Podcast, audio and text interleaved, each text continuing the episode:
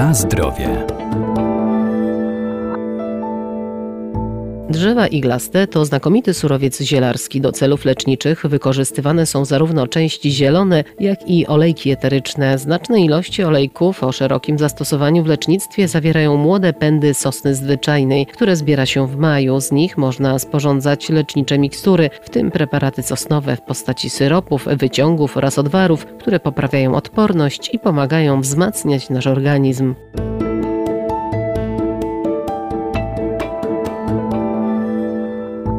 Sosna to wiecznie zielone drzewo. Preparaty sosnowe wykorzystuje się w wielu różnych schorzeniach. Pączki i pędy sosny wykazują działanie wykrztuśne, rozkurczowe i przeciwbakteryjne. Natomiast olejek sosnowy otrzymywany z igieł sosny działa antyseptycznie i przeciwzapalnie. Z tymi naszymi ziołami to jest tak, że czasami otaczają nas rośliny o dosyć wyraźnych takich cechach, czy powiedzmy zaletach zielarskich, a nawet ich nie dostrzegamy, czy nawet nie myślimy o tym, że mają takie właściwości. Jednym z takich przykładów jest sosna zwyczajna. Doktor ogrodnictwa Arkadiusz Iwaniuk. Drzewo, bardzo moglibyśmy powiedzieć pospolite, bardzo częste. Każdy sosnę zna, nawet jeśli nie jest miłośnikiem botaniki, to potrafi ją wskazać i rozpoznać.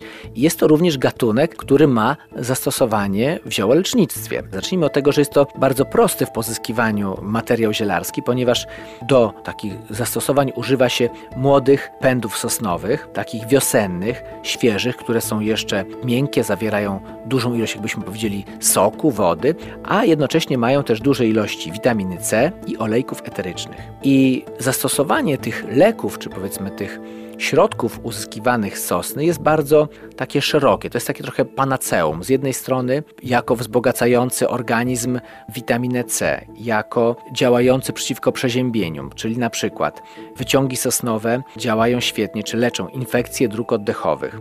Syrop sosnowy ma działanie wykrztuśne i bakteriobójcze, a olejki eteryczne ułatwiają oddychanie.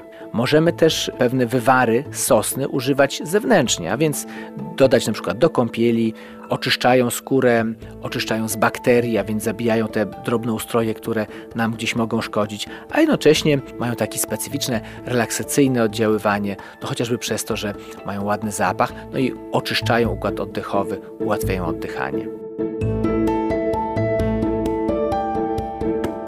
Na zdrowie.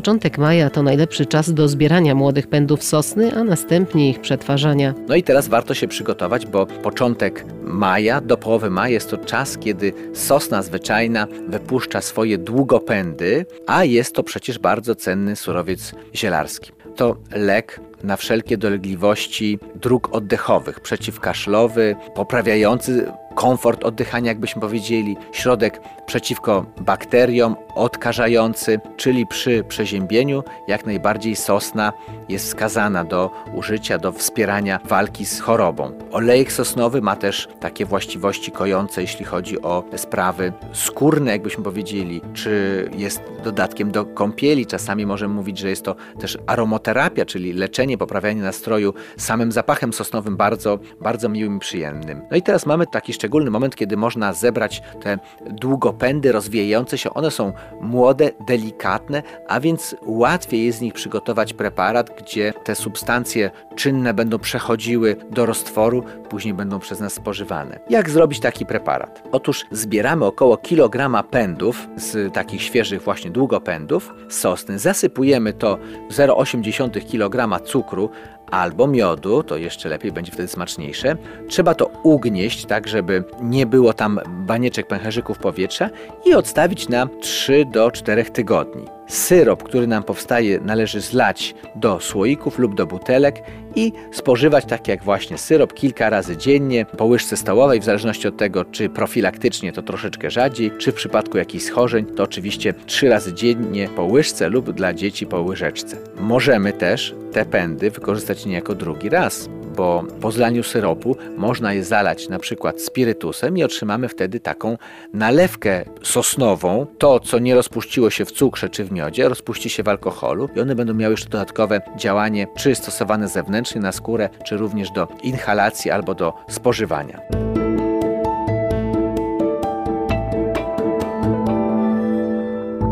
Rośliny zielarskie wspomagają nasz organizm, należy jednak pamiętać, że zioła trzeba stosować z umiarem, zwłaszcza jeżeli są używane w celach leczniczych. Najlepiej ich zastosowanie czy też dawkowanie skonsultować z lekarzem.